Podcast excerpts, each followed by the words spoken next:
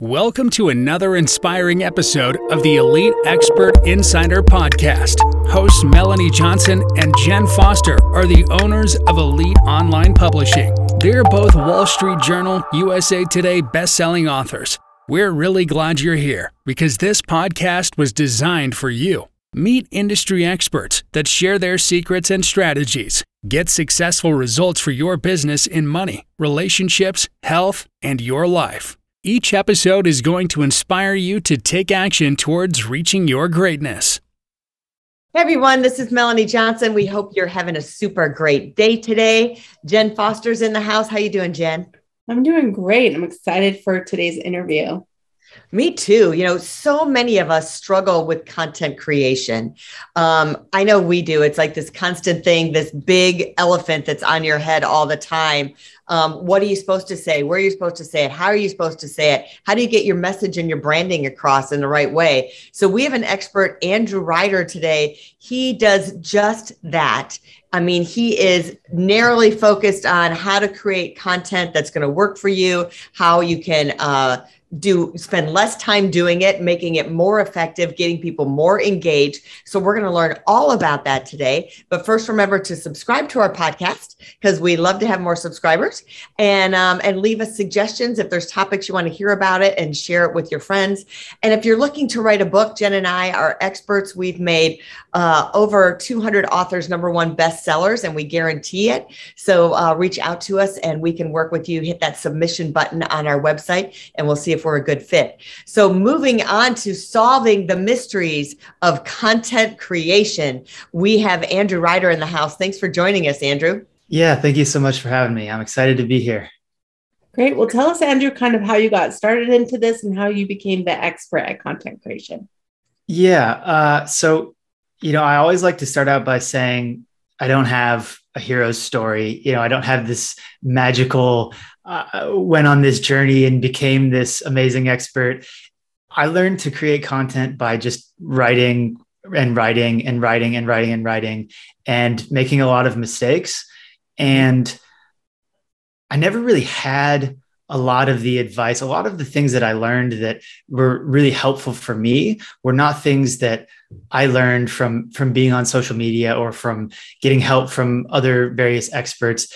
Eh, all the things that I learned were were from practice and from just you know, writing a thousand articles, rereading my articles, trying to be more clear in my writing, trying to tell better stories. So, you know, my goal is to communicate some of those lessons so that others can learn uh, vicariously. Maybe they don't have to write a thousand articles to get these these lessons, but they can start improving their content creation uh, more quickly. Well, let's start off by defining content and content creation and where it goes and what it is. That's a very important point. So before everyone tunes out because they think they're not a content creator or they think it doesn't apply, you know, the way that I define content is not just your free social media posts. It includes your blog articles. It includes books that you write. It includes your about me section on your web website, your your headline, your everything that you do, everything that you put out into the world to communicate with your audience, the thought leadership, the paid programs, the webinars, every story that you tell and every analogy that you use and every word that you write or video you record is either helping your brand, it's advancing that narrative, it's building rapport with your audience, or it's not. Right. And so all of those things that I just listed are content. They're all opportunities to create a better relationship with your prospect or with your customer and help them solve their problems. I love that because a lot of times I think people get confused and they're just thinking that the words content creation means that an influencer on Instagram is creating pictures and modeling in the salt flats in Salt Lake or something, right? You know, that's they're a content creator, but that's not really what it means. It, and every entrepreneur has to have things that they're going to be telling their people, whether it's in an email, on their website, or whatever. And so that's great that that's what you do and you're an expert at it. That's really great. So tell us, how do you create more content in less time without running out of ideas? So it's sort of counterintuitive idea, right? It, but momentum really begets momentum. So in in 2020, I set a goal for myself. You know, I had seen a lot of successful entrepreneurs who just swore by daily content creation. And I would always think, wow, I don't have enough ideas to write about for this this week. Like I'm I'm barely getting by here. How am I going to write 365 posts this year? Right? It just felt like such a daunting task. But I I knew that this was an area that I needed to improve. And so I set the goal and I just started by doing January 1st and January 2nd. And honestly, it was really bad. at the beginning, all of the I look back at that content, I'm like, man, I, I'm I'm glad no one was reading it because it was terrible. But what I learned is that over the course of doing it, you know, I I ended up with 330 posts. I didn't quite get the 365 like I set out a goal to, but I built the habit of daily content creation. And what I learned is that the more you do it, the easier it gets and the more ideas you generate. When I sit down to write, I'll often come up with new connections between ideas. I'll be I'll be riffing on an idea and I'll think, "Oh, that relates to this other idea that I had last week or it relates to something that happened to me or or something that I read about yesterday." And I'll take a quick note on the side. And I'll find that my list of topics to write about keeps growing and growing and growing, even though I'm writing something new every single day. And I think there's two things that are really useful in that regard. One is making sure that you write down your ideas as soon as you have them and separating that from your actual writing time. A lot of people will sit down and they'll open up a blank document and they'll think, what am I going to write about today? And maybe they look at what they wrote about yesterday or they look at their content calendar and they say okay today is supposed to be tips. So what what am i going to write tips about? What's the theme going to be? What tips am i going to give? What infographics going to go along with it? And then three hours later you haven't really made any progress right? When i sit down to write i just have a document uh, i use notion which is sort of a just one of your various options for note taking um, online. And it I have a mobile app and I have it on my computer. And so whenever I have an idea, I go into Notion, I just have a page and I write down the idea, just a couple words, whatever it takes to remind my remind myself when I sit down to write.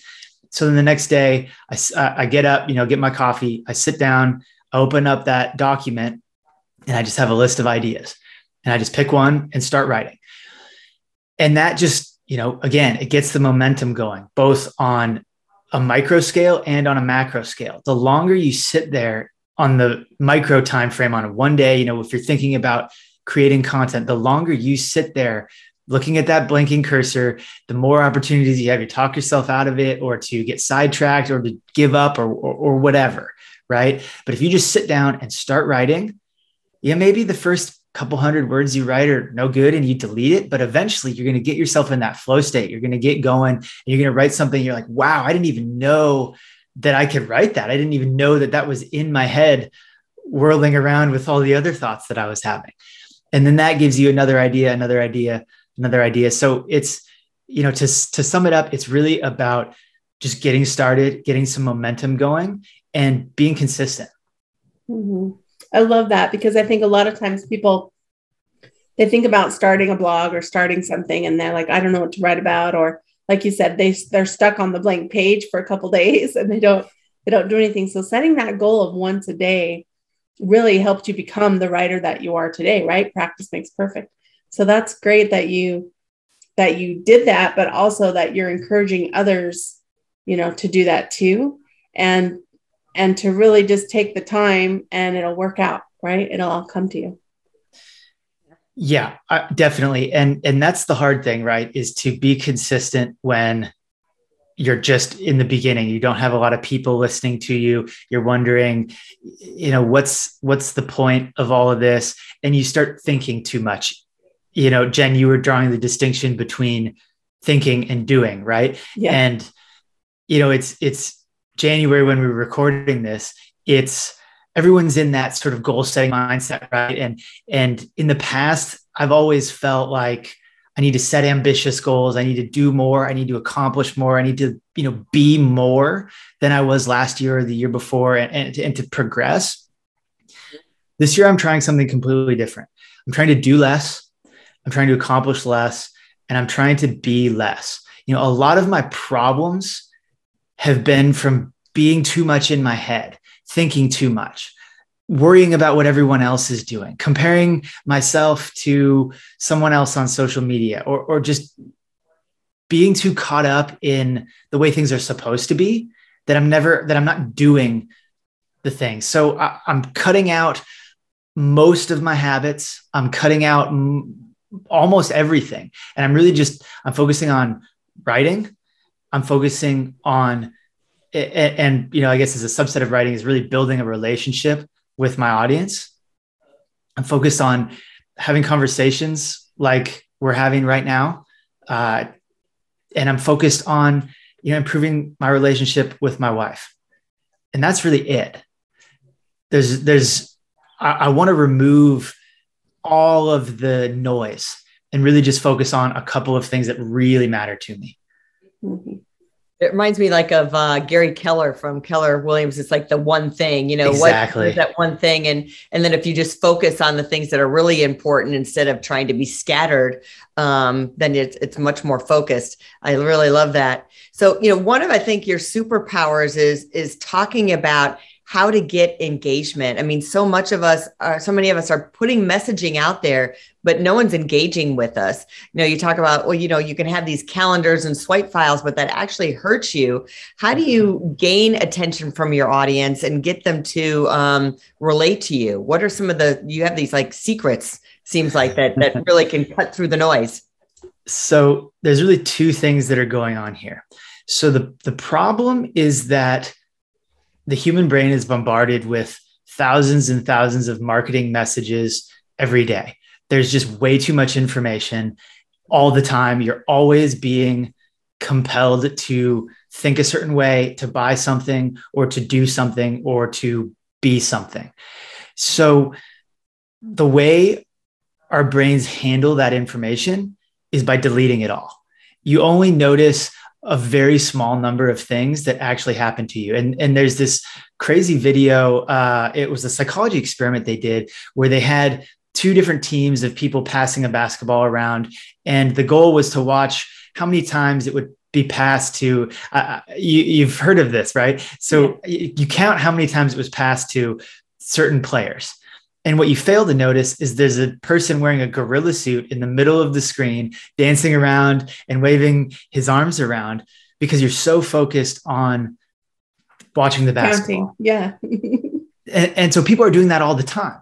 They're so focused on whatever their basketball is, whatever they are think they're looking for, that they don't notice you. They don't notice the content that you're posting. It's not that your content is bad. It's not that you're a bad writer. It's not that you can't do it.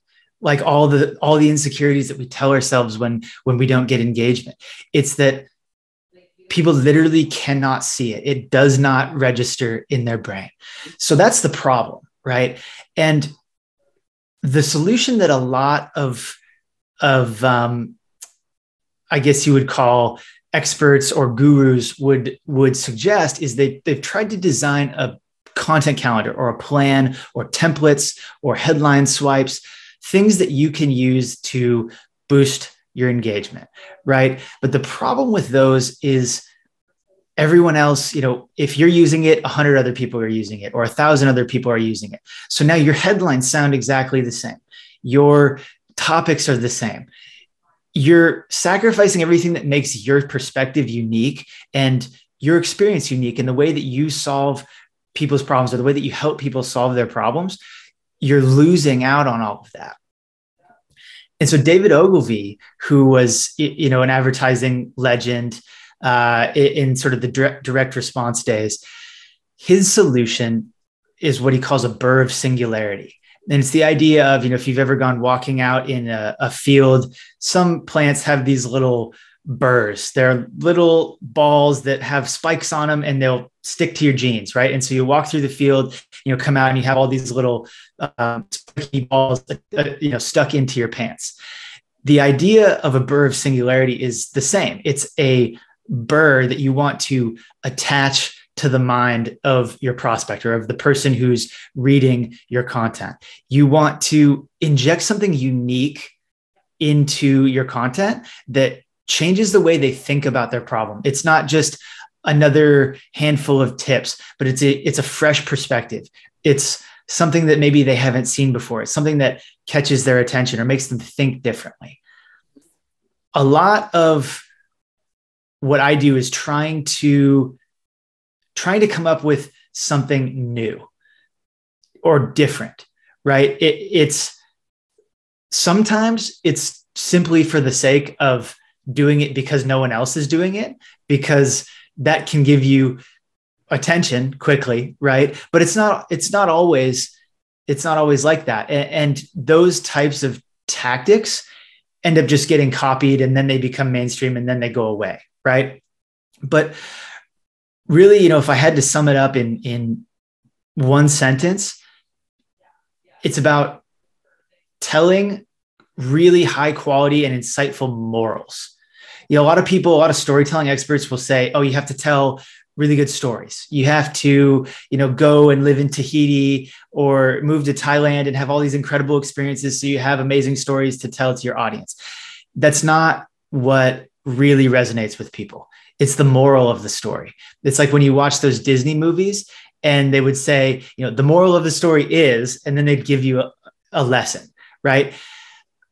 When I think about the best content, the best movies, the best TV shows, the best things that I consume, it's because they have an amazing, just super impactful, insightful moral that one either transforms the way I think about whatever problem I'm trying to solve, or it really inspires me to to do better and, and to give you an example of that you know i um, for christmas my wife got me a copy of the greatest showman mm-hmm. it's probably my favorite movie just because I really love the talent and just watching those actors and singers perform. You know, there's just something great about watching people do what they're meant to do and do it so well. It's just really cool to watch.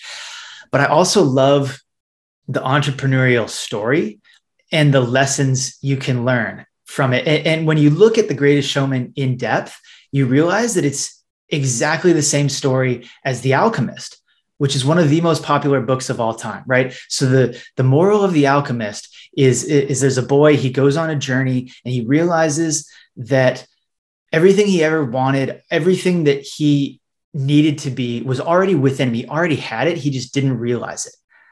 And when, you know, we were just watching The Greatest Showman and at the very end, the last the last line of the movie is is one of the songs. It's, you know, everything you ever wanted is here right in front of you. And he's sitting in an auditorium and he's watching his daughters performing the ballet and he's right there with his wife.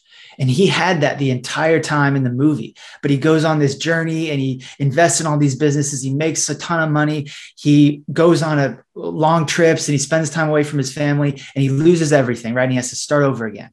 And he realizes that what really mattered to him, you know, his family and, spending time with his kids and his wife was really what mattered. You know, that is a good moral. And that's why that's why The Alchemist is one of the most popular books of all time. That's why The Greatest Showman is a super impactful movie for a lot of people who watch it. You know, a lot of people don't realize exactly what is so moving about it, but it's it's a really high quality moral. You know, and and it's not to say that storytelling isn't important, but what really moves people is a moral of the story that inspires them to live differently, to be better, or mm-hmm. that you know it impacts them to their core. I love that because you hear about people talking about storytelling all the time, and that's how you create content is create stories and be the best storyteller, but they don't talk about the moral or the moral of the story or the moral of it. So I love that you brought that in. But let's talk a little bit about authenticity because I think this comes into play. You know, I know social media, there's a lot of not authentic people. I don't know how else to say it. um, uh, or the facade of perfect, you know, perfect people. So talk talk to us a little bit about that in content creation. Yeah, um, I'm a huge proponent of vulnerability, as is what I would call it, and uh, you know, there's a perfect example of this is in the um, the story of Superman, right? So we all know of Superman as this fantastic hero who can cast laser beams out of his eyes and he can lift anything and he's virtually indestructible, right? The only thing that makes Superman weak is kryptonite. But when Superman comics were originally developed, kryptonite didn't exist. Superman had no weaknesses. He had he was completely invulnerable, right? He was the opposite of vulnerable. He could not be stopped, which made him completely unrelatable to every human being watching the show. As humans, we know that no one is perfect. We know that people make mistakes, people have faults, we lose our patience, whatever it might be. And so, Superman, as a comic, as as a um, intellectual property, really suffered because no one was interested in in reading the be- comics because they knew he was going to win. There was nothing that could stop him. So the the creators of Superman invented kryptonite to save Superman by making him vulnerable, not to kill him off. You know, people think that kryptonite is Superman's greatest weakness, but it's actually his greatest strength. And the same would be true if you're on social media, you see all these people who are Instagram perfect and they have all the right filters and the perfect backdrops and w- whatever else they're using to give the illusion or, or you know maybe their life is really great. Maybe they have an awesome life you know and that's good for them. But what really builds a relationship with someone and again that's the whole point of content creation is to build a relationship with your audience. In order to build a relationship you want to share your kryptonite. You want to share your vulnerabilities. You want to relate to right? That's what a relationship is. You're relating to them. And you can't relate to your customer unless your customer is a bunch of people who have perfect lives. But if they have perfect lives they're probably not going to be interested in buying whatever it is that you sell. So let's assume that your customers don't have perfect lives. You know they're they're human beings and they make mistakes and they have problems. And you can really help them by showing vulnerability by showing that you had all of those same problems too, and you learned to conquer them. You overcame them by using the, the solutions that you sell, by, by learning the lessons that you learned, by watching the content that you watched and, and extracting the morals of out of those stories, you know, the lessons that you learned on your journey. It also gives people, it gives them more motivation knowing that someone else has done it. Maybe I can do it too. So that's you know vulnerability is is vulnerability is is your greatest asset. Yes. That really makes sense. Part of the storytelling you know one of your philosophies is that you can easily turn any random story into content and we were having this conversation just the other day. It's like hey we should be saying hey we just did this thing today and this is what we got out of it. Like these little th- little things exactly. are not important that we're having conversations internally about other people are interested and they're like oh wow they screwed this up today but look at they overcame it by doing blah blah blah. Um, how do you turn everyday stories into meaningful content it's a lot of the things we've we've been talking about i think as as you mentioned it's a lot of people aren't looking closely enough they're living their life but they're not thinking how can I turn this into content about everything that happens? And this, I, I will say, this is not necessarily a, a, a, good thing, but I'm looking for that all the time. So when I'm watching Netflix on the weekend, I am grabbing my phone every couple of minutes to write down an idea for something that I saw in the show that is applicable to you know what it is that I do. And that can be kind of annoying sometimes. Uh, it's impossible to turn it off. But the upside is you get a lot of ideas, and, and not every idea is great. And, and I don't see them all through to completion. But a lot of people miss out on a lot of good ideas because they're just not looking for them. Uh, mm-hmm. Uh, one of the things that I recommend, at least when you're starting out, to sort of train yourself to do this, is to set some time aside. It could be 10 minutes a day, sort of towards the end of the end of your day, and think about your day and think about, okay, you know, I got up, I got my coffee. Um, was there anything that happened this morning that I could talk about, you know, that relates to whatever it is that I teach?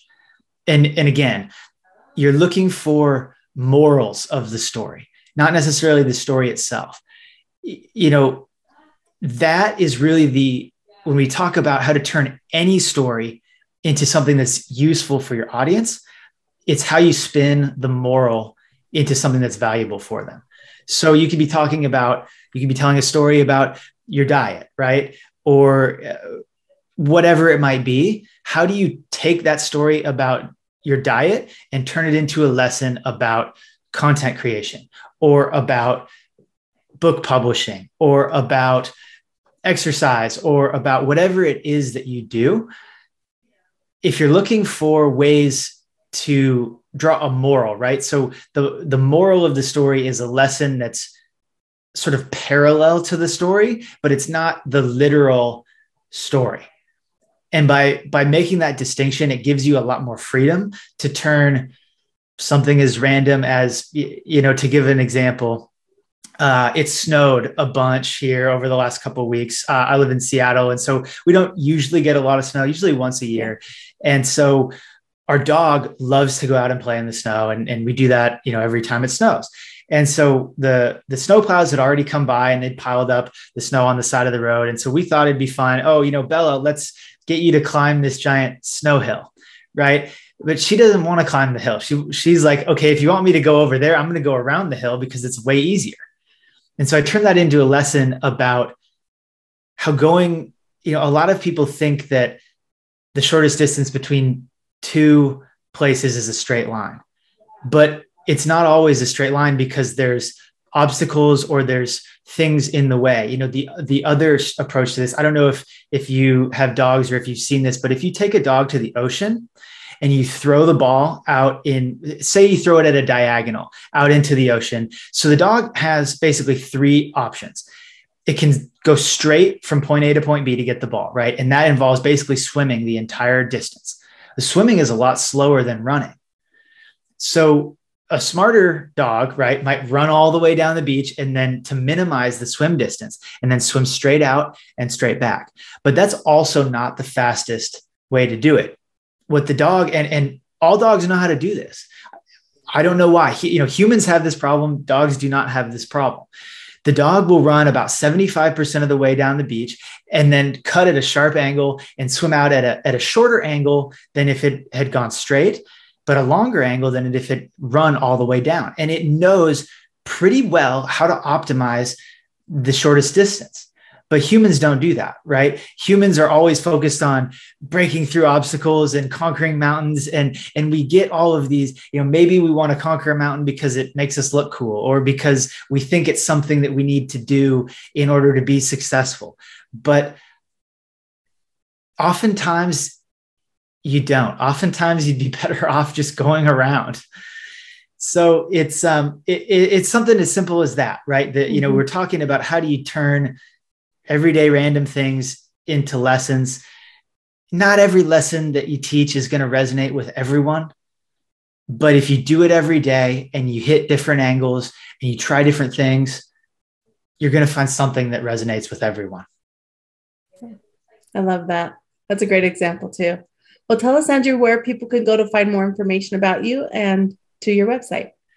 Yeah. So everything that I do is on my website, andrewbryder.com. And if you go over there and subscribe to my daily email newsletter, you know, like we've talked about, I write a lot and I like to share a lot.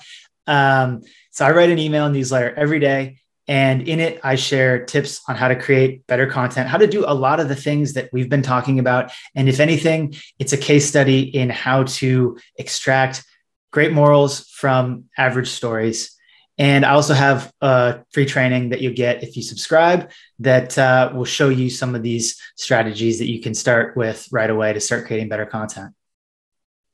I love all of that. Everything that you're talking about and teaching all applies to writing a book. You know, you're absolutely book all is about stories. You're teaching and telling your life experiences, but it's all about the story that goes with it, whether it's your personal story or it's a story of somebody else that you heard of that you can tie it back into the lesson that you're teaching in your book. So definitely sign up for that and get those tips, and it'll help you start creating content to write a book or write a course or whatever your dream is to, to write. So thanks for joining us, Andrew. We really enjoyed having you today. Yeah, thank you so much for having me. It was a blast. So um, remember to subscribe again to our podcast and um, share it with other people. And if you're looking to write a book and you get your content and your stories and your morals and take all those moral stories that you have and put them together in a book, we would love uh, to work with you. Just reach out to us at our website and hit that submission button there and fill out the paperwork, and we'll see if we're a good fit. So we're looking forward to seeing you next time. Have a great day. Bye. Hey, are you looking to increase your revenue, build credibility, and elevate your brand? This podcast is brought to you by Elite Online Publishing, an innovative publishing and full spectrum marketing company. They will publish and market your book to make it a number one bestseller. Becoming an author is the best way to market your business. So contact them at eliteonlinepublishing.com today. All of their authors become number one bestsellers.